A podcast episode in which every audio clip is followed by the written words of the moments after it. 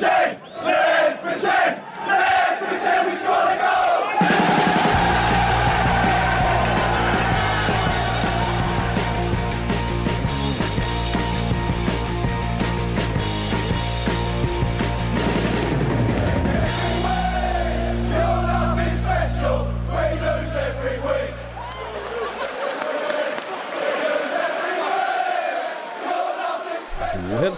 Hjärtligt välkomna till Sportbladets Premier League-podd. Mitt namn är Patrik Syk, med mig i studion har jag Andreas Lillhannus. Välkommen in i värmen! Tack så mycket, tack så mycket. Eh, och Patrik, Sjö- Patrik Sjögren höll jag på att säga. Det var nära. Ja, men Var du ute i kylan igen? jag, jag sa det inte. Patrik. Bränning, Ja. välkommen hit. Tack. Eh, vi ska prata lite silly idag. Ja, Haha. Eh, vi får passa sig. på, det är två veckor kvar till Sillypodden. Mm. Eh, det kan vi eh, annonsera redan nu.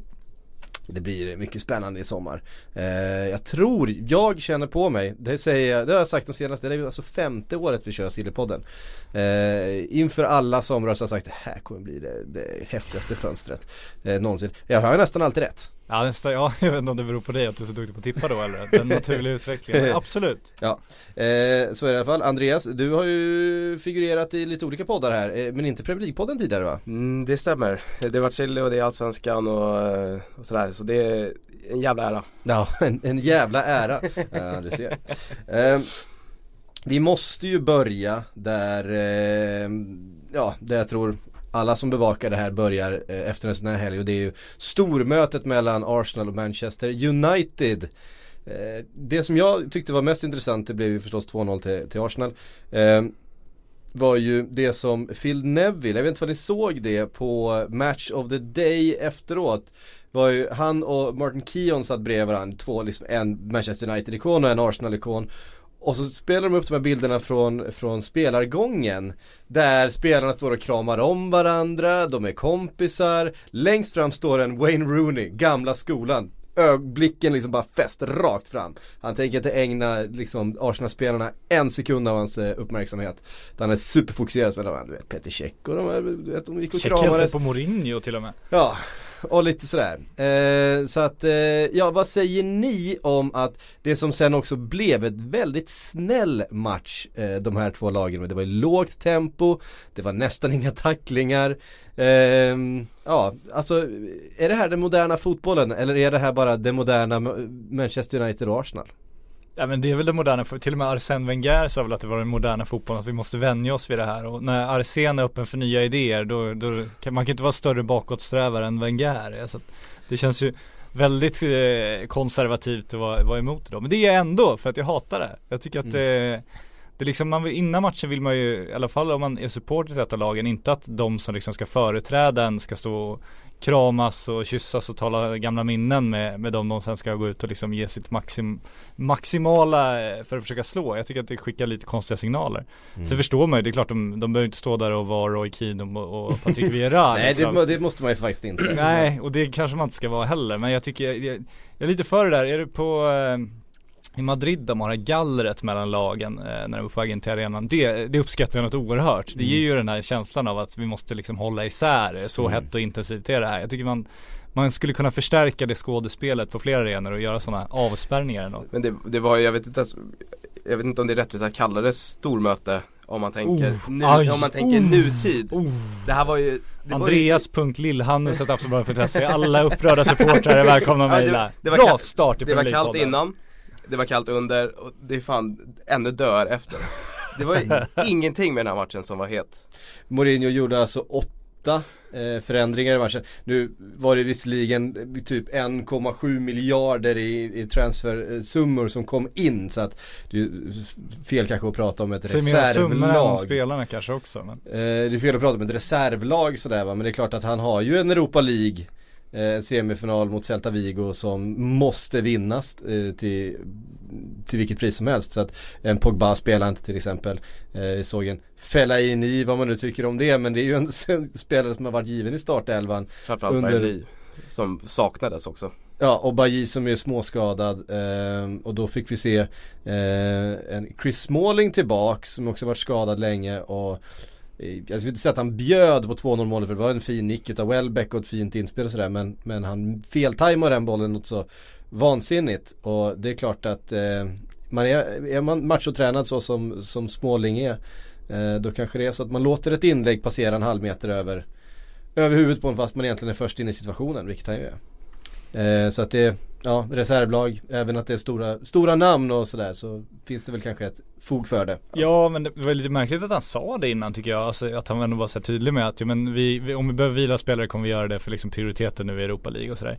Det är också, han hade ju kunnat gå in i matchen och ändå så här, ja, men vi, vi roterar alltid i den här klubben och de här spelarna har jag lika stort mm. förtroende för mm. som de som just nu vilar. Alltså, det är konstigt att säga på det sättet. Vilka och signaler skickar det liksom? Framförallt när Liverpool har tappat tappat poäng precis innan. Det är ju det alla United-supportrar har att vinner vi den här matchen, då har vi en fjärde plats i egna händer.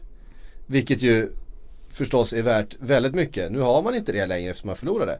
Ehm, det är klart att Mourinho har satt den här matchtruppen långt före Liverpool möter Southampton. Som var precis innan och att han kan inte liksom, åh oh shit Liverpool tappar poäng, nu måste vi liksom slänga in Pogba. Eh, Men han har ju också förklarat för spelarna att nu spelar vi reservlaget här och det viktiga är Europa League. Alla har ju de har ju läst hans citat såklart, det är klart ja. de har gjort det. Och sen handlar det väldigt mycket om att ta ner förväntningarna för det var ju jag tycker inte det är rättvist att säga att det var ett reservbetonat United utan det var ändå ändringarna mot den här Europa League-matchen det var ju, ja de Gea in. Det är ju ingen försämring. Det var väl Mkhitaryan och det var, det var Martial. Det var inget reservbetonat lag på det sättet tycker jag utan det handlade mest om att ta ner förväntningarna. Mm. Eh, och matchen som sådan eh, blev en promenadfotboll ganska långa stunder men öppnade ganska, ganska piggt och Peter Käck fick göra några riktigt kvalificerade räddningar. Eh, Även om det blev förlust mot Tottenham senast så var ju faktiskt Peter Käck otroligt bra i den matchen också. Ser vi en liten, en liten renässans för eh, Tjecken som eh, haft en ganska tuff säsong ändå. Vad tror vi? Uh. Har, han en framt, har han en framtid? Vi kommer ju in på lite sill och sådär sen. Det är många som har varit inne på att han inte har varit tillräckligt bra den här säsongen faktiskt. Han har väl, han, han är inte en dålig målvakt på något sätt. Han har väl precis som Arsenal underpresterat ganska kraftigt i år. Men det är väl möjligt att, att de här petningarna som, som skedde nu lite under våren att det har tänt en gnista eller någonting. Men eh, nej jag vet inte. Jag tror att det handlar om att nu är han tillbaka på normal nivå. Medan tidigare under våren så har han varit alldeles underpresterat. Men en ny målvakt, Check håller väl kanske ett år till. Max. Mm. Jag vet inte. Oblak kanske.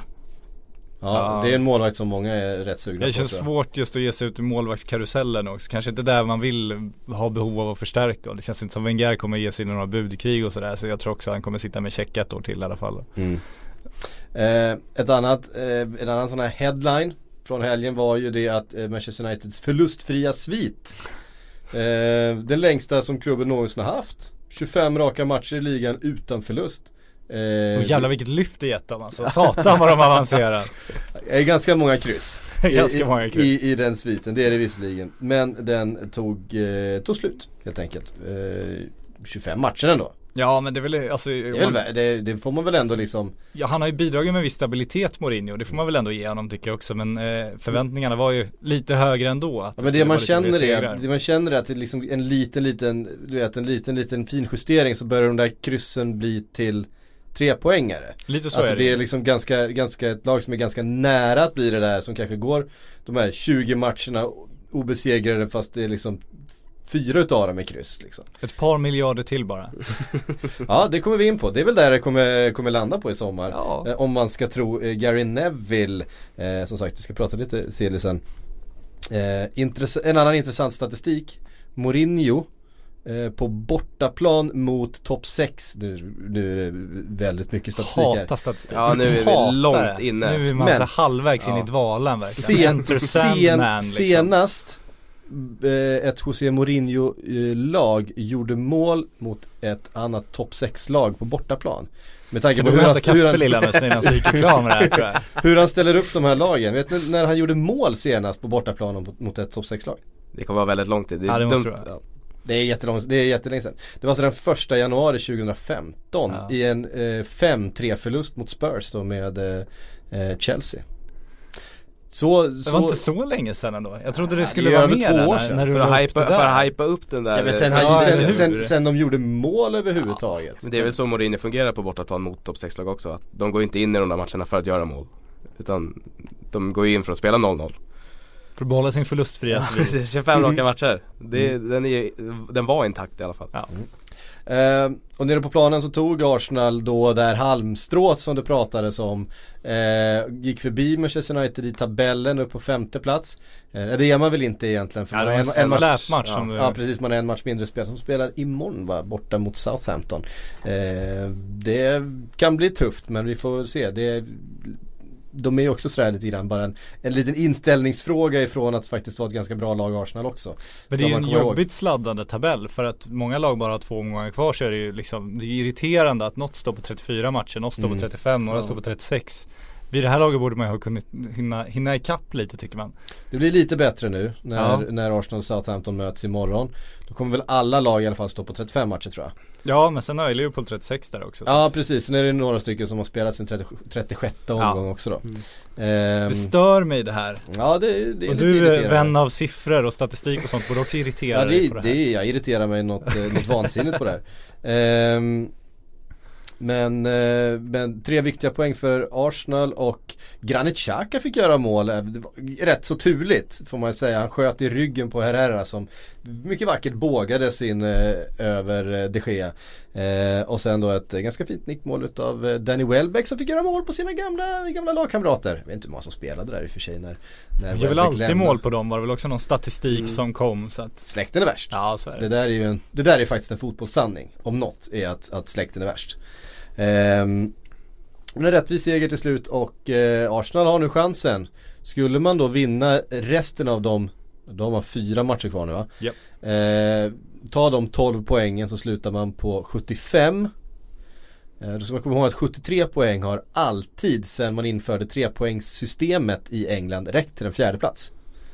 Ehm, Men då ska de vinna alla också Det gör de. Jag tror att eh, de, man får det tufft mot Southampton redan. Arsenal har alltid svårt mot Southampton. mm. Eh, jag blir inte förvånad om det blir 3-0 i baken imorgon. Oj. Återigen Arsenal-fans, ingen stor match, tränare baken Andreas.lillhannus Aftonbladet.se Ni får googla stavningen, det är ett finskt efternamn jag lärt mig idag Ja, så. Lill-Hannus. Det är- Lill-Hannus, Det är väldigt ja. roligt. Jag var tvungen att googla det förut idag. Jag hittade en Mats Lill-Hannus. Ja. In, inte släkt. Ni är inte släkt? Nej. Men han är, han är känd. Ja. Kändare än, kändare än mig, jag, Än så länge än så länge. Ja. Shoutout till Mats Men nu är ju du med i Premier League-podden va? Exakt Så att eh, det kan gå snabbt. Ehm, Liverpool hade allting i egna händer eh, inför matchen mot Southampton. Eh, klev ut och gjorde typ ingenting. Fick med sig en rätt billig straff som eh, Fraser Forster. Eh, jag vet inte hur mycket, har ni sett det där? Eh, jag vet inte om ni såg matchen men har sett att han står och försöker psyka James Milner innan. Och det är klart att det står en 2-0-1 eller 2,02 lång Fraser Forster som är stor som en laggårdsvägg och ser ut som en grobian. Och sen stirrar den i hårfästet precis där man står med bollen på straffpunkten medan domaren håller på att försöka dela ut gula kort till andra som försöker störa på olika sätt. Alltså jag hade också blivit lite, lite bekymrad om, om någon stod och hängde över mig på det där sättet för han är ju mer än ett huvud längre. Eh, och sen räddade han straffen också, det var, det var allt som hände i den matchen. Alltså jag, jag, jag darrar ju av den här bilden av, av psykningarna men, Ja men är, alltså, precis. Ja, alltså, men- hur, hur stor är karln? ja, men James Milner känns ju som den minst psykningskompatibla spelaren i hela Premier League. Han skiter väl i det. Ja och det, han fick ju frågan efteråt. Killen som aldrig haft en känsla i Ja, sitt liv men liksom. Han fick ju frågan förstås efteråt. Och, men visst vad, vad ska han säga? Men det kändes ändå som han sa så han bara ah, alltså, Jag har varit med lite för länge för att eh, sådana där saker ska på, påverka mig. Det tror jag också. Men man sätter in sig själv i den där situationen. Om Mm. Fraser Forster hade stått där och blänkt på en. Då hade jag ju gått hem. Jag hade ju inte slagit den där straffen. Jag hade, jag hade tagit av mig tröjan och bytt ut mig själv. Jag. Är det inte väldigt signif- signifikativt för Liverpool också om det nu visar sig att det där blir avgörande i, i de här Champions League-platserna Mhm. Att det är det som avgör för det är också helt otroligt att den här straffen missas Milner hade väl 15 raka i mål Mm. och, eh, och Forza hade inte tagit en enda Men det är en fin räddning. Det är det Det är faktiskt inte speciellt dålig straff Nej. tycker jag. Det, det går med kraft och den går ut, inte helt ut mot stolpen men den är liksom ändå eh, hyfsat placerad men det är en stensäker och en stark hand på eh, Fraser Forster som, som tar den. Jag tycker nästan att det är osannolikt att han har fått 11 straffar emot sig tidigare och inte räddat en enda straff Med tanke på hur, hur den räddningen Ja, ser ut. Ja, där tänker man, alltså det är bara det där med, med de där jättestora målvakterna. Han, han är väl, vad kom vi fram till? Det var väl, det är Pantilimon som är längre. Ja, Det tror jag utav målvakterna i England. Och han är 2.04 eller något sånt där och Fraser Forster är så här 2.02.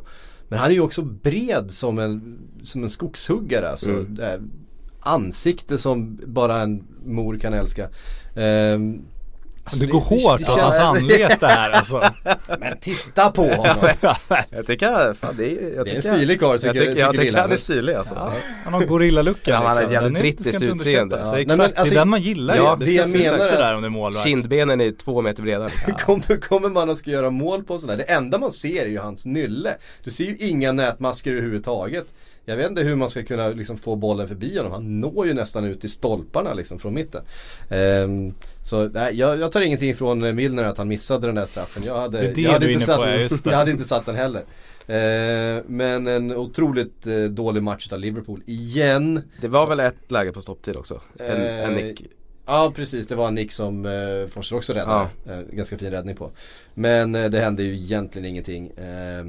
Men vad tror du som. Liverpool-supporter då? Det är ju, Champions League-platsen är ju mer eller mindre klar ändå, det får man ju ändå säga. jag vet vad du försöker göra nu Patrik. Men eh, det ska ganska mycket till. Om vi nu tittar på tabellen Ja. eh, och ser hur den artade sig. När, precis när den 0-0 matchen eh, spelades hade Manchester United vunnit den. Eh, då hade det inte känts speciellt bra för då hade, då hade de kunnat nästan ha råd att kryssa mot Tottenham som man har kvar att möta. Eh, och ändå ta sig förbi tror jag. Eh, jag kanske har fel. Men så som det blev i alla fall så eh, står Liverpool på 70 poäng och den där poängen som man ändå fick mot Southampton kan ju visa sig eh, ganska mycket värd. Eh, och som sagt 73 poäng har i samtliga tidigare säsonger med trepoängssystem räckt till en fjärde plats. Eh, det innebär att Liverpool skulle behöva vinna en då utav matcherna mot West Ham och Middlesbrough som man har kvar. Och eh, tar man inte tre poäng mot, mot Middlesbrough i sista omgången. Hemma, hemma dessutom. he, he, på hemmaplan när de är tok avsågade och näst sist bara, eh, bara slagna i uselhet utav ett riktigt uselt Sunderland. Då förtjänar man ju inte att spela några Europamatcher heller, så är det ju bara. Ehm, men de är väl en eller eh, kanske en och en halv. Det kanske räcker med fyra poäng till då. Eh, för som sagt att Arsenal ska vinna fyra raka nu. Det blir fem raka då med United-matchen. Eh, det skulle ju vara Arsenal att Känns göra det. rätt osannolikt. Det Ja, skulle ju jo, vara Arsenal att göra ja, det. framförallt i den här delen när Wenger är lite pressad och sådär, absolut. Och vad får vi då för säsong för Arsenal? Ja men då skulle vi få en fjärde plats en Champions League-åttondel mot, mot Bayern München och en cupfinal. Ja, Eh, Wenger in. Det är ju tre plus. Ja, absolut. Det är alltid tre plus med Wenger. Ja. Arsène, man vet vart man har honom. Yes. Ehm, ska vi bara riva av det övriga? Jo, det var ju nere i botten också måste vi nämna Swansea som slog Everton. Eh, det var starkt. Det var ju eh, det var väl Jönsson i förra veckan som sa att "Nej, men det gör de. Det var, han, bara, han bara gick förbi den. Han sa det är ju tre säkra poäng. Eh, det var ju snyggt gjort av honom. Eh, och tog sig då förbi Hall som ganska överraskande förlorade mot bedrövliga eh, Sunderland. Hull City Tiger som vi brinner så, så intensivt för. Ja, men det är lite typiskt det där när Sunderland liksom nu är utslagna, har inget kvar att spela för. Det finns ingen press längre och de kan slappna av.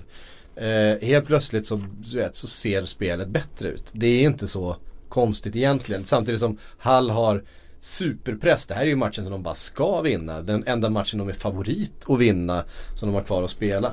Ehm, Ja och torskar man där med 2-0 då har man inget i Premier League att göra. Nej, och torskar man mot, mot eh, Sunderland med 2-0 då har man inte Premier League att göra. Och då är det kanske så det kommer bli då när eh, Swansea gick förbi eh, med två omgångar kvar. Ehm, mm, mm, mm, mm. Ska vi säga det att eh, Pickford som ju har varit ändå bra i Sunderland den här säsongen var, var otroligt bra mot, mot Hull. Gjorde ja, säkert fyra, fem riktigt kvalificerade räddningar. Ehm, så att de hade en, en sån där dag också där, där målvakten spikade igen. Och det leder oss in då på silly season för Pickford är ju en, det är en sån här segway, ni vet. Ja, de Eh, älskar du. Ja. Ehm, Pickford är en av de som eh, det skrivs ganska mycket om just nu. Den unge målvakten som gjort en väldigt fin säsong i det bedrövliga Sunderland. Eh, det ryktas om att Everton, som har haft ganska stora målvaktsproblem de senaste, senaste åren, eh, ska vara intresserade av att betala en, ja det blir väl upp mot eh, 20 miljoner pund kanske för den unge britten. Han är engelsman, det är bara att höja 100 miljoner direkt. Exakt. Ja men det blir intressant att se hur många klausuler de har. Defoe hade väl en i alla fall att han är Ja. fri att lämna nu Mm. eh, när de åker ut. Newcastle hade ju i stort sett inga sådana och tog samma lag och gick upp igen. Så man vill Mm. se hur Sunderland agerar där. Det känns ju som de borde försöka sig på en liknande strategi och då är väl han kanske den viktigaste spelaren de ska behålla också. Eftersom Defoe försvinner som är, är den som kan avgöra matcher annars. Så om man en stabil målvakt för många år liksom framöver, det har varit lite jobbigt för dem att byta målvakt nu också. Så att jag tror de får hålla hårt till honom. Det borde vara mer värt än att sälja honom till Everton för 20 miljoner pund bara. Mm. Samtidigt så, eh, de behöver ju nog pengarna. För att eh, de behöver ju, alltså titta på det där laget. Det ju, finns ju ingenting, finns ju ingenting att bygga på. Alltså, Newcastle hade i alla fall ett lag som skulle placera sig högt i, i Championship. Så är det ju, men det har ju säljer, inte Sunderland. Det då där laget, sin det där bästa laget, spelare. Det där, det där laget tar ju inte en mittenplacering i, i Championship. Så Det finns som väl egentligen inga spelare utöver Pickford som skulle kunna säljas för en, För några pengar alls. för en summa värd att rapportera om heller. Nej men du, du får ju ändå en hyfsad fallskärm. Du kapar lite lönekostnader, skickar några av de där lite tunga löneposterna. Mm. Eh, det är ju också pengar in liksom. Det borde finnas möjlighet ändå tycker jag. Mm. Men Ja. även, det måste ju vara fler lag intresserade. Det, är- det är helt, sla- helt säkert fler lag är intresserade. Vi får väl se vad som händer med övriga lags målvakter här. Det kommer Liverpool bli, Det har ju pratats lite grann om Liverpool men det tror jag inte. Jag tror att man kommer eh, Dels så tror jag fortfarande att Jürgen Klopp eh, Vill ha en polack. Jag tror fortfarande han tror på Karius faktiskt. Eh, på sikt. Även att han inte var riktigt redo den här säsongen så tror jag att han kan tänka sig ha honom eh, på tillväxt bakom en Mignolet som faktiskt eh, har höjt sig den här säsongen. Och varit 3 plus bra i alla fall. Eh, sen om han är tillräckligt bra för att för ett Liverpool, det, det tycker jag väl kanske inte men jag tror att Klopp kommer behöva lägga sina pengar på andra ställen. Eh, ska vi prata Lukaku då? Kör. Han eh, surnade till på The Sun i veckan för att de, eh, som han uttryckte det, la sig i saker de inte hade med att göra.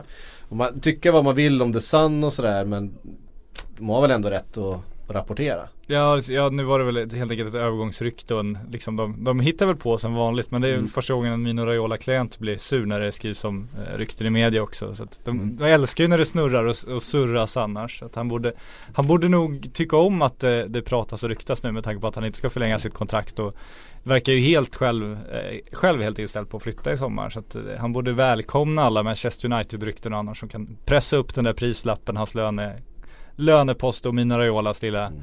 lilla bit av det där också. Nu var det väl lite annat också att de hade skrivit om att han hade betett sig, försökt bråka sig bort och så vidare. Sådana där saker som han kanske tyckte inte kändes så bra att det skrevs om. Men Han borde, ändå stå över det sann kan jag tycka. Ehm, vart ska han då? Blir det, det känns som det, det står mellan Manchester United och Chelsea just nu för, för Lukaku. Ehm, Vill han till Chelsea? Jag, ja, jag tror han vill till Chelsea om Diego Costa försvinner. Då Ja. blir det ju ofrånkomligen så att han kommer få eh, liksom första anfallsplatsen där och det finns väl ett revanschtänk där också. Jag tror han eh, skulle vara sugen på det. Manchester United är ju, ja det känns som en knepigare ekvation på något sätt. Jag tycker Chelsea känns ganska naturligt att de tar tillbaka honom. De har ju snurrat på sina anfallare Mm. några år fram och tillbaka så eh, det vore väl inte helt ologiskt. nej. Eh, och jag menar, det, han går ju verkligen rakt in på Diego Costas position i det syste- systemet de spelar nu. Får de in en Lukaku behöver de ju inte skruva på nästan någonting utan han, han kan ju egentligen göra allt det som, som Diego Costa kan. Utom att slåss, sätta armbågar i ryggen och, och Kanske spotta på behö- det motståndare behövs kanske. det också. Ja absolut, absolut. Nej men han är Kan, perfekt kan, han, han, han kan nog bita ifrån han också. Ja, oh. Ja nej, men han är väl perfekt. Det känns som United är mer ute efter någon, någon rörligare typ. Eh, som Zlatans arvtagare Mm. eh, än en Lukaku kanske. Alltså man har ty- jag tycker man har sett i Manchester United att när de har spelat med en Rashford när han har varit i form Så har det varit en spelartyp som de har haft väldigt mycket mer nytta utav med all den mittfältskraft som finns med Pogba, med Herrera och med, med eh, Mkhitaryan och så vidare med fina fötter så har de haft mycket mer nytta av en rörligare snabbare forward. Eh, Jag tror att väldigt många Manchester United supportrar ser en Rashford som, en, som nummer ett. Ja, det, ja det, det borde man ju nästan göra. Sen då, då blir det här jobbiga över ett komplement. För de behöver ju en Mm. spelare som är minst lika bra som komplement. Och då ta in en Lukaku och säga till honom, "Ja, men du, du får konkurrera med Rashford. Du liksom, och så Mm. låta honom inleda på bänken. Det kanske blir lite problematiskt med tanke på han, hans erfarenheter av storklubbar tidigare och sådär. Det är väl lättare för Chelsea att övertala honom då kanske. Och det är också, men ska de ha Griezmann då? Om de Mm. mot all förmodan skulle lyckas få honom. Det blir också, vad händer med Rashford då? Vart tar han vägen i den ekvationen. Så det blir lite, det är svårt. Det hade nog varit mer bekvämt för dem att ha kvar Zlatan ett år till och, och liksom låta Rashford fasas in och låta Zlatan fasas ut. Det Mm. hade väl varit, det var väl förmodligen tanken också. Mm. Är det helt osannolikt med Griezmann till United, Costa till Atletico och Lukaku till Chelsea? Ja, Costa ska- till Atletico tror jag inte på för jag tror Costa redan har ett, eh, ett, ett kontrakt skrivet med en kinesisk klubb som ger honom mycket mer pengar Det känns lite så. Det känns då ska de konkurrera med, med Kina, Kina lönekostnaden och det, det Diego Costa, ja han, eh, han går nog efter pengarna nu. Cashen ska in. Cashen ska in, så är det. Det är dyrt att bo i Brasilien efter karriären eller Spanien eller ja, vad det nu blir. Han tjänar inte sina pengar på lojalitetsbonusar. Nej, det gör det inte. Det är Eh, väldigt lite pengar i lojalitetsbonusar generellt. Så. Ja, exakt. Ehm, och ehm, Lukaku ehm, och Manchester United, nu letar jag mitt papper här. Jo, Ja, där det. var det. Eh, Gary Neville gick ut då i häromdagen och eh, förklarade att Manchester United skulle ha 200 miljoner pund ungefär i sin transferkassa den här sommaren. Men hur mycket får man för det 2017 egentligen? Räcker det? Eh, vi har ju varit inne på att de kanske är ett lag som bara är en liten, liten, du vet, en liten uppskruvning ifrån att kanske vara en titelutmanare nästa år. Eh, men just det där sista lilla fin fine-tuningen är den som brukar kosta rätt mycket pengar. Så vad är det de ska då lägga alla de här pengarna på? Ja, alltså de behöver ju en, en mittback av klass skulle de väl eh, i en perfekt värld definitivt vilja ha. De behöver definitivt en anfallare nu. Mm. Alltså mittback en halv miljard någonstans där om de ska ha Nilsson Lindelöf. Det känns inte som så många andra blir så mycket billigare.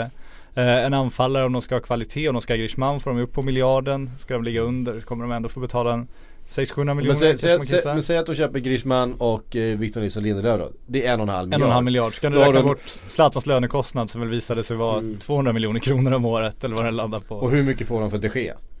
Eh, då ska de också värva en ny målvakt i så fall. Då ska Mm. de väl köpa Oblak i så fall. Och då, då, det går väl nästan jämnt ut de två. Det blir väl en, en liten skillnad på no, några hundra miljoner. Eh, Jag tycker i och för sig inte att Romero är piss.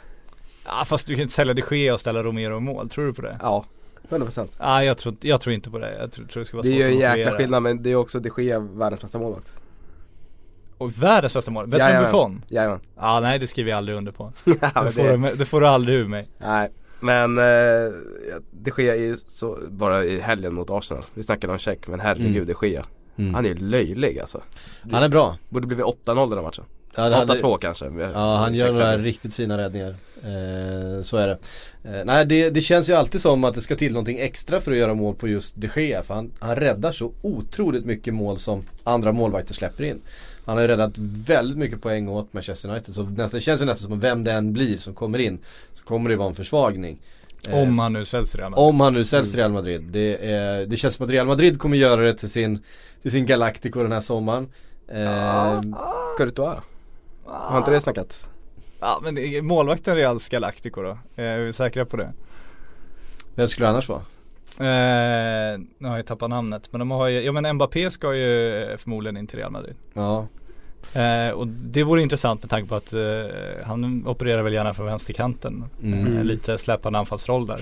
det finns någon portugis som brukar, brukar spela där i Real Madrid. Eh, han brukar men, göra det helt okej också. ta, ja absolut, men tar de Mbappé för, för en miljard då kommer de ju inte behöva ta en Galactico till liksom. Sen Nej. har de eh, också Theo Hernandez på väg in eh, och eh, den här Vinicius, eh, Ja. 16-åringen, 630 miljoner så kommer om ett par år. Så redan nu har de liksom spänt musklerna om de tar Mbappé då. Så då, då vet jag inte om de, är, om de har behovet av de Gea och eh, har råd med de Gea riktigt. Eh, så jag tror att det lite, hänger lite på vad de gör i övrigt. Och Florentino tror jag är mer sugen på en, en ung fransman som pekas ut som nästa världshärskare eh, än en, en spansk målvakt som eh, har en, den typ av långärmade tröjor som inte säljer lika intensivt i, över världen om man säger så. Mm. Flexibility is great. That's why there's yoga. Flexibility for your insurance coverage is great too. That's why there's United Healthcare Insurance Plans. Underwritten by Golden Rule Insurance Company, United Healthcare Insurance Plans offer flexible, budget friendly coverage for medical, vision, dental, and more. One of these plans may be right for you if you're, say, between jobs, coming off your parents' plan, turning a side hustle into a full hustle, or even missed open enrollment. Want more flexibility? Find out more about United Healthcare Insurance Plans at uh1.com. Ehm, Så, eh, Men ska vi sy ihop två miljarder? ja vi ska se upp två, De- två miljarder, det var de det som var kan min ju- tanke. De skulle ju kunna få eh, en mittback och en anfallare för två miljarder tror jag. Men det ska Mm. nog snurras lite mer i den truppen. Så att, eh, exklusive, alltså om man inte räknar in vad de får in på spelarförsäljningen kanske de hade kommit Sta- eh, i mål på två miljarder. Startar Fellaini en enda match för Manchester United under säsongen 17-18? Han borde inte göra det men känslan är att han kommer göra Herregud, det. han kommer ju starta varje match. Han är ju så jävla viktig. Men han är nyttig nu. Ja, men, han är ju det. Men han håller ju också tillbaks utvecklingen av ett spel som borde kunna vara mycket mer framgångsrikt. Ja, jag vet. Men i Mourinhos ögon så är, Mourinho älskar ju Fellaini. Ja. Mm. Jag tror han, fan, han första namn på startelvan alltså. Till och med Det- före de Gea. Alltså ibland Världens undrar bästa man ju. mittfältare, Ja. Fellaini.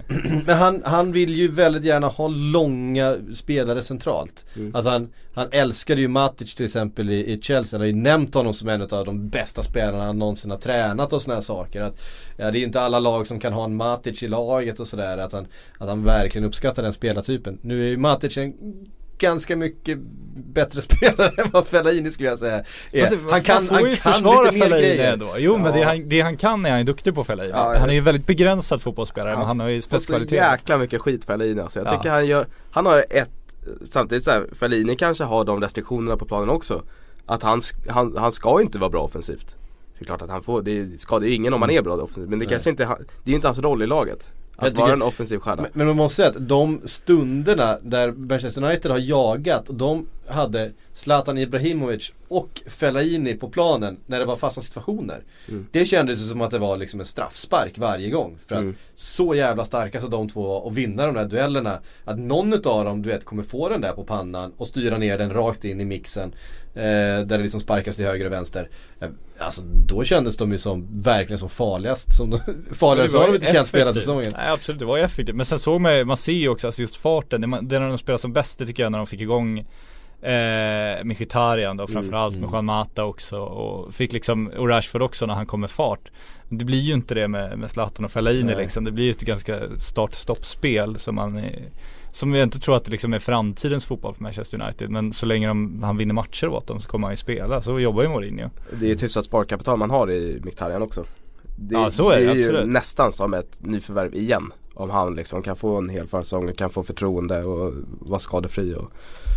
Sen tycker jag också att man glömmer bort Martial lite. Mm. Jag tror att om han hade fått förtroende så tror jag att det är en jävligt bra Det var ju han som skulle vara forward. Det var ju han Ja. som skulle ta klivet den här säsongen. Han var ju bäst förra liksom och var på väg Han, han var ju och, M- Mbappé för två år sedan. Ja, typ. Mm. precis.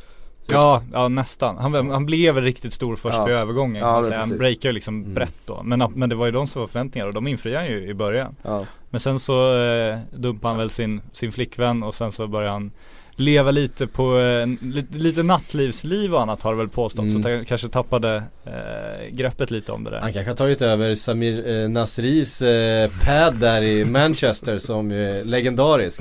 Den må, någon, någon fotbollsspelare bor ju i den lägenheten nu. Ja den är jävligt intressant. Vem har tagit över den ja? Eh, Jag är helt övertygad om att de där, att de där lägenheterna, de, de säljs fotbollsspelare emellan. I Samir Nasris bachelor pad med, med det jävla badkaret och så.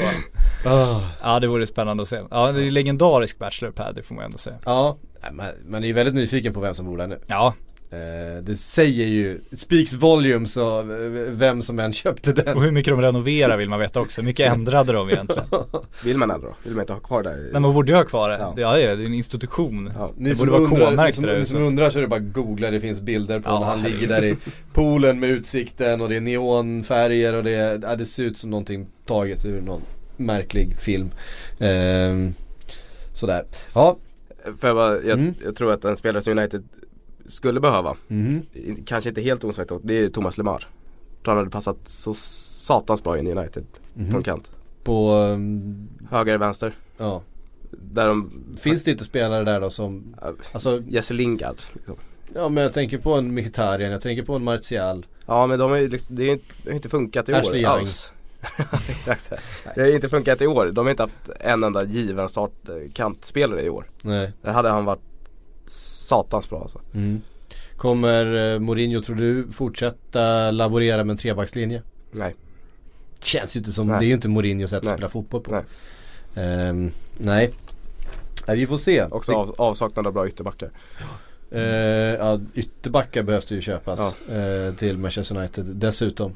Kanske en på varje sida. Ja. Även om Valencia har varit jättebra den här säsongen så känns det som att det finns, det finns lite att ta av på de positionerna.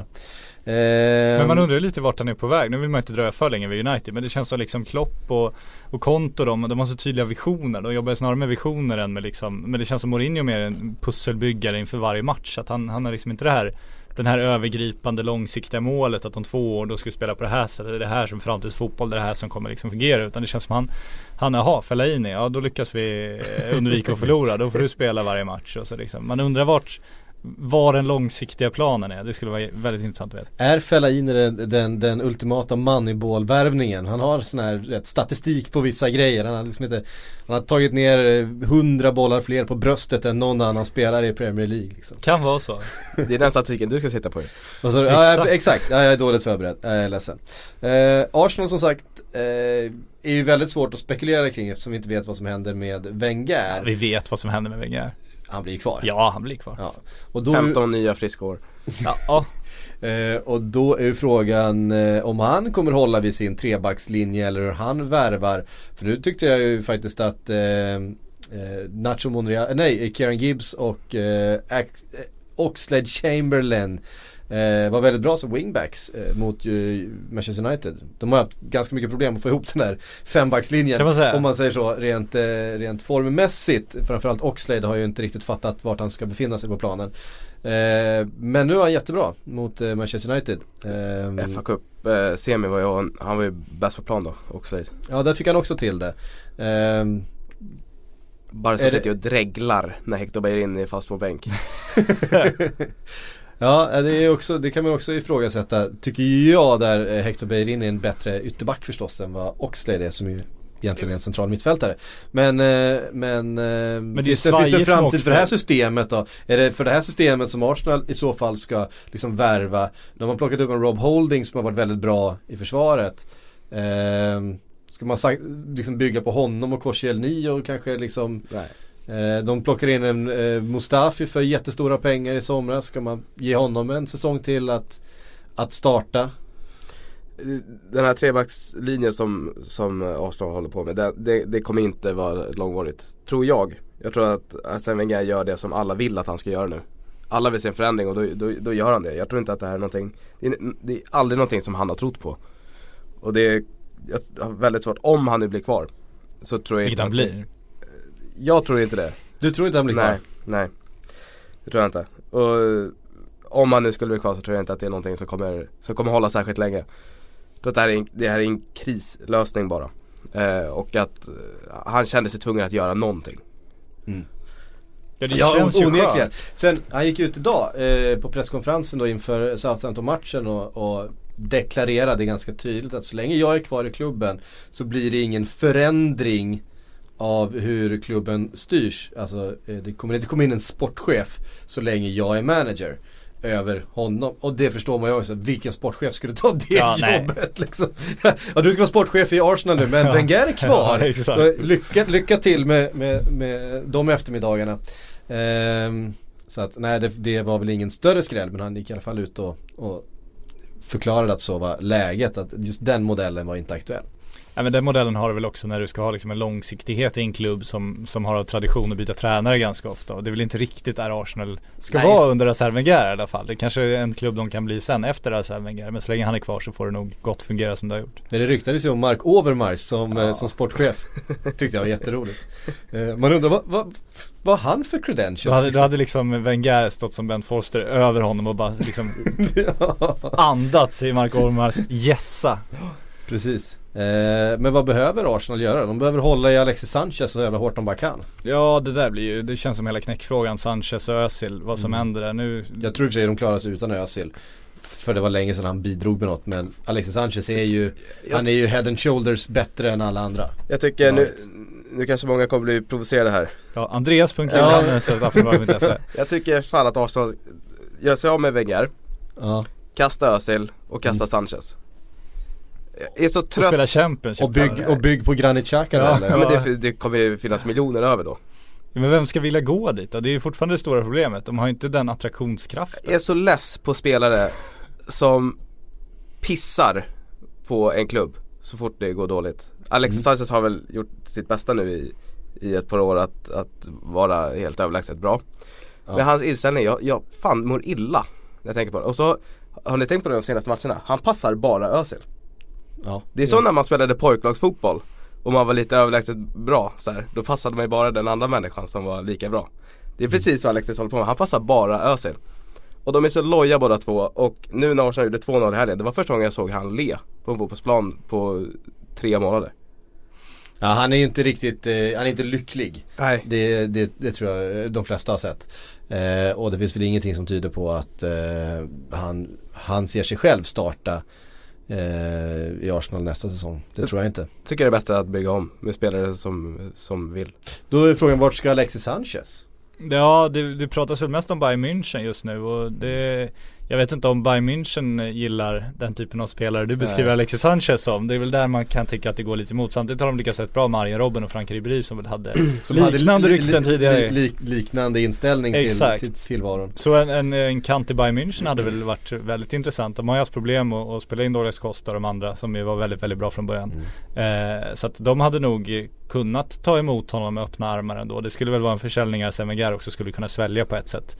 Och inte släppa honom till Manchester City eller Chelsea eller Manchester United utan få honom till en annan liga. Eh, så att det hade väl inte varit helt fel för de flesta. Sen är ju frågan då Bygga om absolut och spelare som vill spela för Arsenal absolut men vem av högsta kvalitet vill gå till Arsenal som missar Champions League och som släpper Alexis Sanchez, Mesut Özil och byter tränare. Där blir det intressant då. Och det är också en Mm. tränarfråga. Det Chelsea var ju ja, ett mycket, stjärn, mycket mer stjärnspäckt lag såklart. Men Chelsea var ju ungefär samma situation förra året utan Champions League med en ny tränare. Där, handlade det mycket, där var det ju väldigt smarta spelarköp. I till exempel Marcos Alonso som var bäst i Mm. hela Premier League i år nästan. Sådana spelare, det är svårt att hitta såklart. Och speciellt på de positionerna hos viktiga spelare. Men den typen av värvningar blir i sådana fall helt nödvändiga. Ja, Marcos Alonso och Kanté. Ja. Eh, det var två rätt fina värvningar. Till och med David Luiz. Till och med David Ja, Luiz. Ja, med men verkligen. Ja, men de har ju fått full, full utväxling på, på sina nyförvärv. Till skillnad från Arsenal då som då värvade Mustafi och Granit Xhaka och Men då har de ju Eh, ett tryggt system som de liksom puttar in dem i. Det är ganska Mm. tydliga roller. De är väldigt, alltså sätt David Luiz, sätter du den galningen i en låda så är han duktig i den lådan Mm. liksom. Det är när du öppnar det där locket det kan gå åt helvete. Så att, eh, det är väl det som krävs då också. Men då gäller det att få den typen av tränare som eh, med den auktoriteten och det ryktet som kan göra det direkt. Och det, det kryllar inte av dem just nu för nu har de ju tillsatta den där Den här snygga moderna tränarkåren med den där sexepilen som ska vara väldigt modern. Men nu eh, pratades det idag om att Dortmund har utsett sin nästa tränare. Ja, jo absolut men eh, Vad ska då Tuchel ta vägen? Absolut, men är Tuchel den eh, liksom, han den, han är ju väldigt mycket Arsene Wenger typen. Han ser ju redan ut över 80 Mm. år liksom och det är Mm. väldigt mycket, mycket böcker och ritningar och det är inte så mycket karisma om man säger så. Och just nu eh, handlar ju fotbollen väldigt mycket om karisma på tränarsidan. Det, spelarna attraheras av liksom Jürgen Klopp, Antonio Conte som gör sin hårtransplantation och blir en helt ny människa och klättrar på bänkar. Och den är viktig i sammanhanget tror jag. Mm. Ja men det, det, det är liksom unga, snygga, eh, högljudda tränare nu med mycket inlevelse och sådär. Och Thomas Tuchel då kommer in på sin moped liksom. Jag, jag vet inte om det är, är Nå- dit Arsenal ska gå efter Arsene Wenger. Det känns som att de behöver någon som är mer än motsatt till Wenger. En, en utåtriktad tränare som liksom talar om passion och, och bjuder på liksom ett, ett uppsving på det. Det är väl Allegri eller Simeone som är de enda rimliga mm. i sådana Mm. fall. Ja, Simeone är väl den som skulle kunna komma in och kanske göra någonting med den truppen som redan finns. Jag har svårt att se Allegri komma in och göra det här gänget till ett lag som, som tar 75 poäng nästa säsong. Så är det samtidigt Eh, känns som man underskattar Allegri också. Ja, Alltså, det, gjort visst vi underskattade honom jättemycket när han gick till Juventus. Ja. Vi tyckte att det var en jättekonstig utnämning. Han har gjort det fantastiskt när han kom dit. Men han jobbar med helt andra resurser där. Han Ja, jobbade är det, med, med liksom ligans bästa lag, ett lag på väg uppåt. Ehm, alltså vi såg sett Diego Simeone ta ett ganska hopplöst gäng och bara du vet pressa de här kolbitarna till diamanter liksom under, under sin egen eh, liksom urkraft liksom. Och Ja, han är ju drömvärvningen, så är det det, ju. det, det känns ju som att det är det som på kort sikt skulle kunna få det här Arsenal som vi har väldigt mycket Det finns klart det finns jättemycket fina fotbollsspelare där Men det känns som det finns någon geist överhuvudtaget. Och är Allegri en sån tränare som skulle kunna ge dem det? Mm, jag är inte riktigt säker. Simeone är det definitivt. Eh, Klopp hade antagligen varit det också. Som ju jag tror att de var, var eh, ganska intresserade av eh, då för ett par år sedan när Wenger, före Wenger skrev på för de här två åren då som så är det. Sen är frågan Simeone just det här Inter, alltså man, man kan garva mycket åt italienska tidningsuppgifter åt det här. Att de skriver ju storstjärnor till Inter dagligen och alla andra mm. står utanför och undrar vad fan vad håller ni på med? För det här kommer inte hända och det händer aldrig.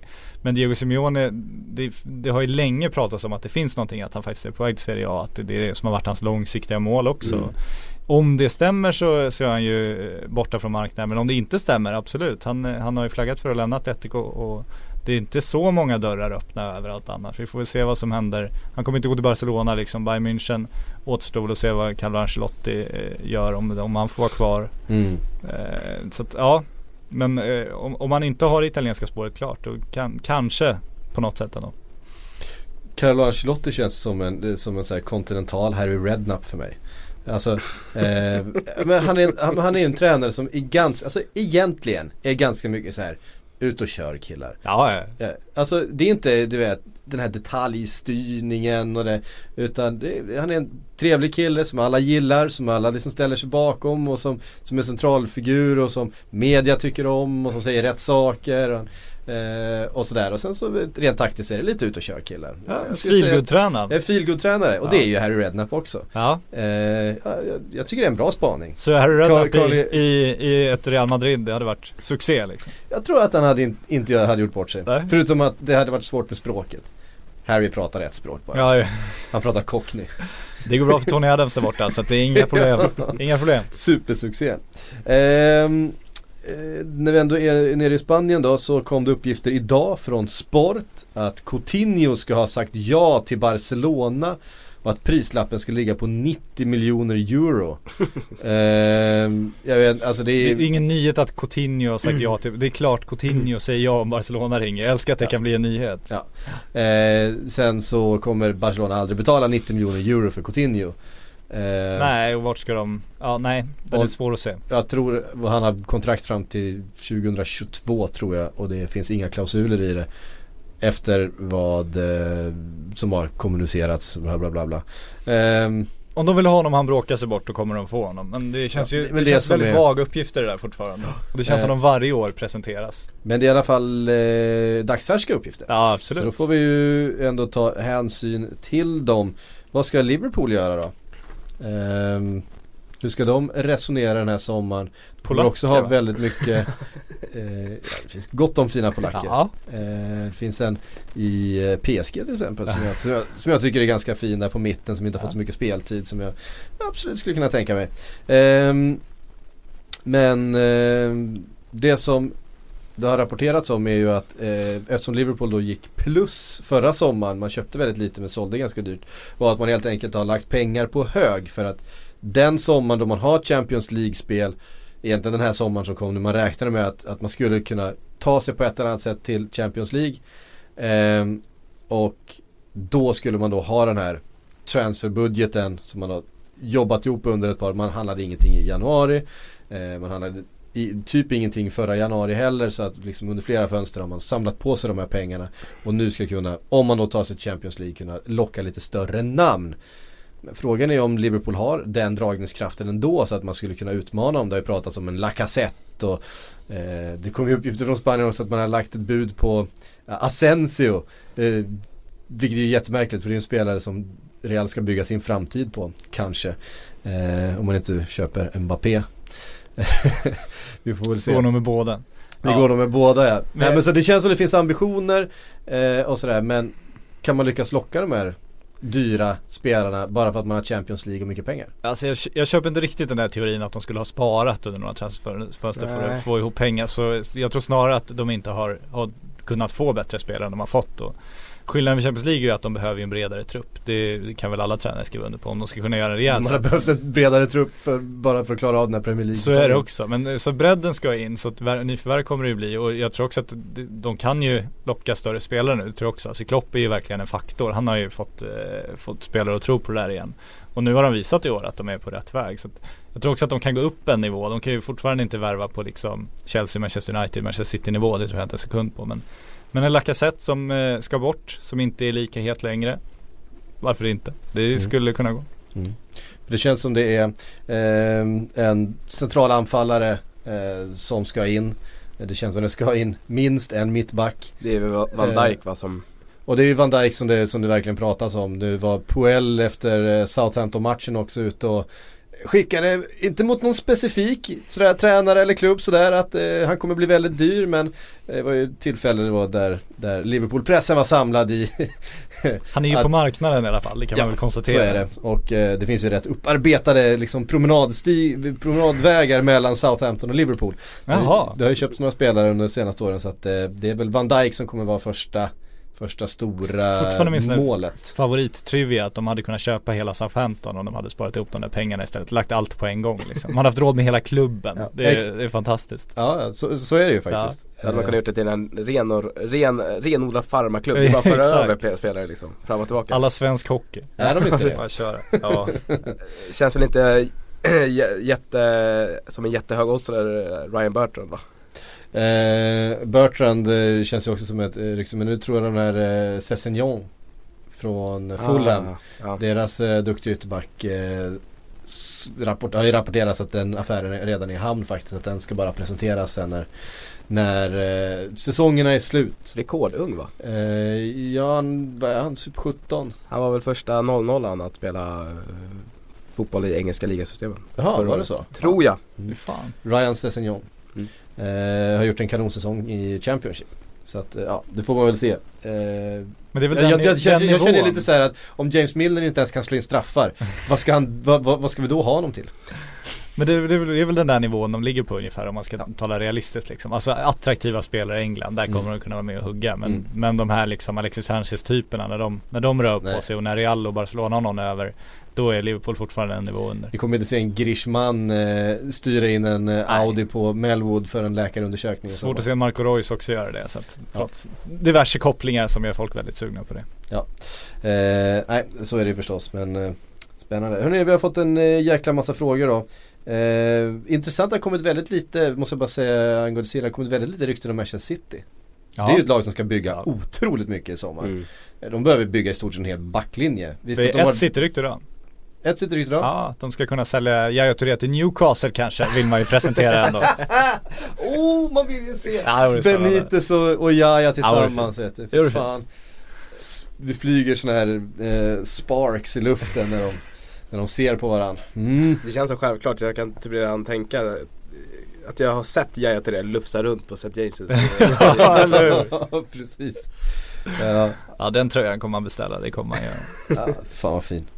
Eh, lite frågor förstås. Eh, Niklas Staffan Eneland skrev på Facebook. Eh, vad, vad säger ni om Joey Bartons avstängning som nu varar i 18 månader? Eh, ta gärna upp den här frågan i podden. Alltså, det känns ju som någonstans att Joey Bartons karriär kunde ju bara avslutats med en lång avstängning på något sätt. Av någon anledning. Sen var det lite oväntat att det blev för just det här att han har liksom spelat på matcher på klubbar han tillhör. Men det är förvå- ingenting förvånar ju när det kommer till Joey Barton. Jag orkar inte ens bry mig längre. Så, så är det ju. Eh, men eh, en, en liten sorg finns det ju i en att vi inte får se Joey Barton mer på en fotbollsplan. Ja, en stor sorg tycker jag. När han var som bäst så var han ju en attraktion om inte annat. Sen eh, har han gjort saker som man inte kan försvara på något sätt. Men som framspelare till, så byggde han ju Andy Carrolls karriär liksom. Mm. Eh, så att han gjorde fantastiska saker. Sen så konstig diskussion i England som blivit av det här. Det var någon gammal spelare som eh, vittnade om att liksom så fort han hade bettat då så hörde spelbolaget av sig inom tre veckor då. Du får inte spela, du vet det. Och han sa, ja men jag har lagt av nu. Så, ja men bra, okej. Så det har funnits ett kontrollsystem ändå. Men ingen har uppenbarligen liksom eh, stoppat Joey Barton och han tyckte då att det, var, det här är spelbolagens ansvar också. Det tycker jag är lite absurt. Det är klart det är Joey Bartons ansvar. Det är klart Ja, det är han klart. vet att han inte får spela och oavsett om han spelar på sina egna eller andra matcher, han får inte spela på dem heller. Och han har en så pass hög inkomst att han kan väl fan åka till galoppbanan om han är så jäkla sugen på att betta liksom. Det är så huvudlöst gjort så att, Mm. men ja, förvånar det mig inte. Alltså jag har ju många vänner som spelar i division 1, 2, 3, 4 i Sverige. Som inte ens vågar betta på sina egna matcher. Nej. Och det är i Sverige. Mm. I division Ja men du får Två, inte tre, betta på betta på matcher. dina Ja men jag tänker om, om man inte ens vågar göra det i, i så Ja han är på högsta Ja, högsta han är liksom- han är fucking Joey Barton. Men han Ja. är ju knäpp i huvudet. Så att Ja. eh, det är ju Det är väl kontentan. Eh, om man ska sammanfatta Joey Barton på ett sätt så är det ju galen. Ja Eh, absolut. Det är ju det, är det han är först. Sen så har han en jättefin högerfot också. Eh, De två sakerna Bra har gått högernäve också men det är en annan sak. Ja precis. Eh, någonstans får vi väl, eh, någon gång får vi väl sätta ihop en rejäl lista på vad Joey Barton har gjort under Allting har ju inte kommit fram heller. Det är liksom, han har skrivit själv böcker och sådana här saker om saker som hänt. Men vi vet ju fortfarande väldigt lite om det som hände uppe i, i Skottland nu senast. Vilket jag tror var något ganska allvarligt. Att han typ misshandlade någon lagkamrat ganska grovt på träning. Vilket det har eh, pratats om ju. Eh, att han liksom bara inte var välkommen tillbaks till det laget.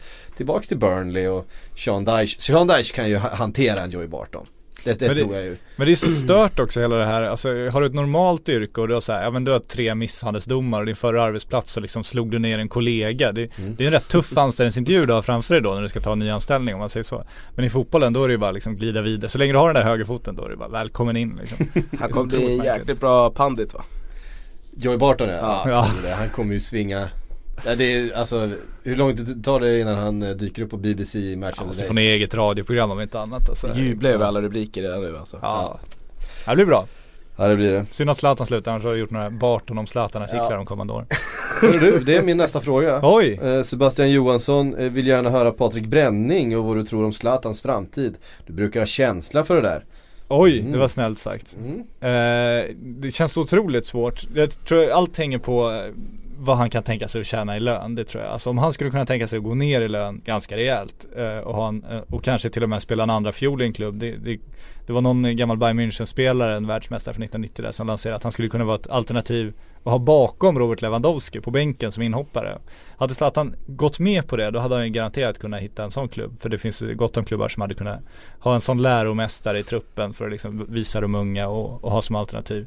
Problemet är att han förmodligen inte kommer göra det för att det ska fortfarande han lanserar en parfym senaste veckan och det, det ska, det är kläderna har storsatsning nu på Stadium och det är skyltdockor i fönstren och allt det där ska ju liksom, det är fortfarande lite igångsättningsfasen och jag tror att han inser att det är rätt viktigt att han pushar alla de här kollektionerna och alla, alla saker han gör för att det känns som det är det han tänker ägna sig åt efter karriären och jag tror att slutet på karriären är rätt viktigt för att, för att ge dem en bra start.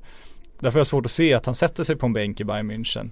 Eh, jag tror snarare att han kommer dra till USA eventuellt. Eh, om man känner att han att han får tillräckligt stort genomslag för det även i Europa för där behöver han fortfarande synas också. Så det känns snarare att det blir USA. Jag tror inte han drar till Kina för han, han planerar nog att tjäna sina pengar på, på andra saker än sina rena fotbollskontrakt nu. Utan jag tror att USA och då kommer han kunna kompensera för sin sjunk, sjunkande lön genom eh, åtaganden vid sidan av planen. Och så, som vi brukar avsluta alla Zlatan-resonemang, den där filmen ska ju göras också. Precis.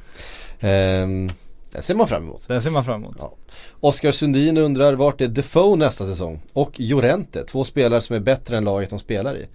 Ja, du får vara ju med på listan, en av 17 som fick röster till årets spelare i England. Det är rätt Mm. begåvat när man slutar sist i Premier League. Mm. Mm. Men det är helt sjukt, vad har han gjort? 14 mål? Han gör alltid mål. Ja, han gör ju alltid mål. Han är nu, vadå, typ sådär eh, bland de topp 10 va? Som har gjort flest mål i Premier Leagues historia totalt. Han är ju fan landslagsman också. Ja, men han är ju bra på att göra Ja. mål. Han har liksom alltid varit. För det är klart att en spelare som är bra på att hitta nätet finns det ju liksom alltid plats för i ganska många klubbar. Ehm, ja, men vi, visst, man får inte gå från Sunderland till Newcastle. Nej men det vore ju perfekt, jag Men- tänkte precis samma sak. men, men, men för Defoe tror jag inte det spelar så stor roll. Det är inte Nej. så att han är Det är inte så att han är eh, callback direkt. Eh, som det var, lite känsligare. Alltså, eh, Defoe kan nog göra den flytten. Eh, så varför inte? Peta in bollar för Benitez. Annars Eh. ett fint komplement till Benteke. I Ja. Crystal Palace. Ja, Mm. har ju jobbat med eh, Allardyce tidigare också. Precis. Ehm, ja, han kommer spela Premier League-fotboll nä- nästa säsong också. Det lär han göra. 36 år gammal eller vad han nu är. Vad är han? Han är 81 va? Det låter rätt. Jag, vill- jag vill ge det 82 rätt. kanske han är till och med. Eh, 34 år är han va? 82. Ja. Då Och Llorente drar väl till Chelsea. Ja, eller Tottenham. Ja. Det snackats om att Llorente skulle vara den, eh, en bra backup då istället för Jansen till eh, Harry Kane. Ehm, och ja, varför inte? Får väl se då om Swansea hänger kvar. Ehm, han kommer ju antagligen kosta en hel del pengar. För Swansea kommer ju inte vilja släppa honom. Eh, nu har man ju en poäng på, på Hall här. Eh, och dessutom bättre målskillnad. Men man eftersom Hall tappar in Sunderland. 10 Man möter Sunderland ja. Nu är det 0-3 bak ja. Exakt. Ja, fan vad det måste vara jobbigt för Halden när de har kommit igång. Ehm, nej, va, eh, eh, det är ju Swansea som har den dåliga målskillnaden när de kom igång. För under eh, Bob Bradley, när de tappade in liksom sådär 7-8 bollar varenda match liksom och bara målsnittet bara, bara rasade. Vad är det de ligger på? Minus 28. Minus eh, 28, men Hall är minus 33, just det så är det. Ja den är, det, man jobbar i det, motvind. det är rätt Ja, dåligt. Hall har alltså sämre målskillnad än Sunderland. Och att Crystal Palace borta, det är en jävla höjda match alltså. Och sen. Tottenham hemma. Tottenham är ingenting att spela för. Kanske. Nej, kanske. Tottenham är ju ändå så pass bra så att det ska inte Ja. spela så stor roll. Ehm. Mm, mm, mm. Eh, Albin undrar vad fan har hänt med Chris Smalling? Fantastisk förra säsongen och sämre än Phil Jones denna. Aj. Eh, Det är ju skador framförallt som hänt eh, Chris Smalling. Tyvärr. Eh, han har haft svårt att, att etablera sig i i startelvan med, på grund av de här skadorna och har inte riktigt hittat tillbaks. Känns som en formspelare också. Mm. Ja. I början på säsongen var han ju fantastisk och början på förra säsongen var han ju liksom en av ligans bästa spelare. Det var ju liksom, eh, ja. Gjorde till och med väldigt mycket mål va? Eller var det säsongen innan, innan det kanske? Ja, han petade in några stycken. Ja, Han var, han var helt eh, otroligt bra eh, under sådär några matcher och sen så går han på en liten skada och så, så har det varit sådär. Det har varit en ganska tung säsong. Benjamin Barassa undrar hur hade säsongen sett ut om Conte och Pep istället hamnat tvärtom? Conte i City och Pep i Chelsea. Tror Chelsea fortfarande hade vunnit? Säger han. Jag tror ju att Chelsea hade haft större chans att vinna än City ändå eftersom Chelsea har ett bättre lag helt enkelt. Eh, City har ju hopplöst obalanserat eh, som de har varit de senaste åren. De har spenderat rätt mycket på mittbackar som inte har funkat. Också, också fråga om, om, eh, om Conte hade gått till City då kanske inte Chelsea hade fått in Kanté och Marcos Alonso. Nej. Eh, så det är också en fråga om värvningar. Hade Conte gjort samma värvningar i City så tror jag verk, absolut att City haft en möjlighet att, att vinna Premier League. Mm. Men sen var ju, det- Chelsea trupp var ju lite Conte-anpassad på ett sätt Ja, också. Alltså från Mourinho-åren. Det passar ju väldigt bra. Och Manchester Citys var väl lite Guardiola-anpassad Mm. också fast med betydligt sämre kvalitet bara. Så Mm. de hade ju fått göra om betydligt mer Ja. också. Mm. Men jag håller med om att Chelsea hade ju varit favoriten då. Eh, relaterat då kommer från Hannes Hjertstedt. Hur mycket bättre hade Man City varit om kompani hade, skulle varit frisk hela säsongen? Hade City kunnat ta titeln i sådana fall? Och det är klart att när man har en enda bra mittback och han, är, och han är frisk så är det klart att laget spelar bättre. Alltså kompani är fortfarande, fastän att han har haft så mycket skador, är han en fantastisk mittback. Eh, men eh, men de är 15 pinnar bakom. Ja, det är inte Ja, för kompani han- det där hänger alltså. Nej. det hänger inte bara på kompani och dessutom är det en helt, eh, helt eh, orimlig sak att begära eftersom kompani aldrig har varit skadefri någon säsong i, i sin karriär. Utan han, är, han, han har ju haft jättestora skadebekymmer hela sin karriär igenom. Han har ju den där väldigt tuffa skadan ehm, som eh, Michael Owen också hade. Där man inte känner av eh, att det börjar bli förslitningar. Jag vet inte om det är i, i ljumsken eller i knät Ja, eller baksidan, ja, något, det, ja. det, är någon, det, är någon, det är någon muskel som, som sitter på ett sätt som, eh, som gör att det helt enkelt är väldigt, väldigt svårt att spela på den högsta nivån utan att då och då faktiskt gå sönder. För man känner inte när man behöver vila eller när det börjar eh, strama liksom. Men det är ju ständig diskussion också. Om vi inte hade haft några skador då hade vi haft 15 poäng mer. Så, Men Mm. alla har ju skador. Det, det går ju ut på att du ska kunna reservera dig för skador och bygga Mm. efter det. Du måste Ja. ju kunna ersätta. Ja det är inte Ja. som att Pep Guardiola var, var helt ovetande om att kompani har dra, dragits med skadebekymmer. Nej, exakt. Ehm, Jaha, han var ömtålig. Ja. Verkligen. Va? Diaby? Ja, hallå. På hans ja, vad konstigt. Han tänkte vi bygga kring i år. Jag tar en sista fråga då. Eh, The Premier League Bible har skrivit till oss. Eh, Chelsea har varit bra i år, dock inte bäst genom tiderna. Eh, ranka gärna de tre bästa lagen i Premier League-historien.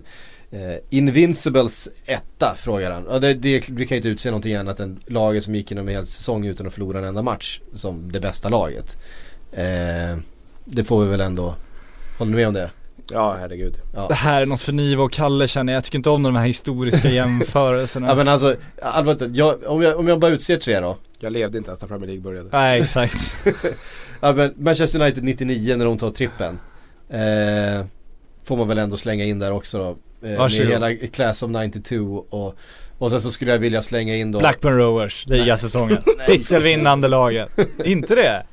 Fan, Eh, nej, men däremot, där, däremot Chelsea eh, den säsongen eh, där man bara släpper in, vad är det, 16 mål eller något sånt där på hela säsongen. Eh, Mourinhos första eller andra va? Eh, kan det varit eh, 2004? Något sånt där. Det är det, det är det laget i alla fall som jag, som jag tänker på som varit sådär helt outstanding. Eh, där man har känt att ja, det, här, det här är bara inget som, som rår på. Det har funnits några sådana Manchester United årgångar som man har känt har varit bara betydligt bättre än alla andra. Tyngre, bättre, alltså sådär. Eh, men, men tre liksom sådana här lag som faktiskt har varit otroligt bra om man ska ta från tre olika lag. Håller ni med mig? Jag säger inte emot det, men det är Nej. mer av rent ointresse tror jag än, Ja. än, eh, Du än får, något du, annat. du får den. Ja du jag får den. Ja okej, ja men jag tar den då. Ehm, hörde ni, det var faktiskt allt vi hann. Ni får ju gärna kontra mig på de här eh, årgångarna då, de, de bästa lagen. Men jag...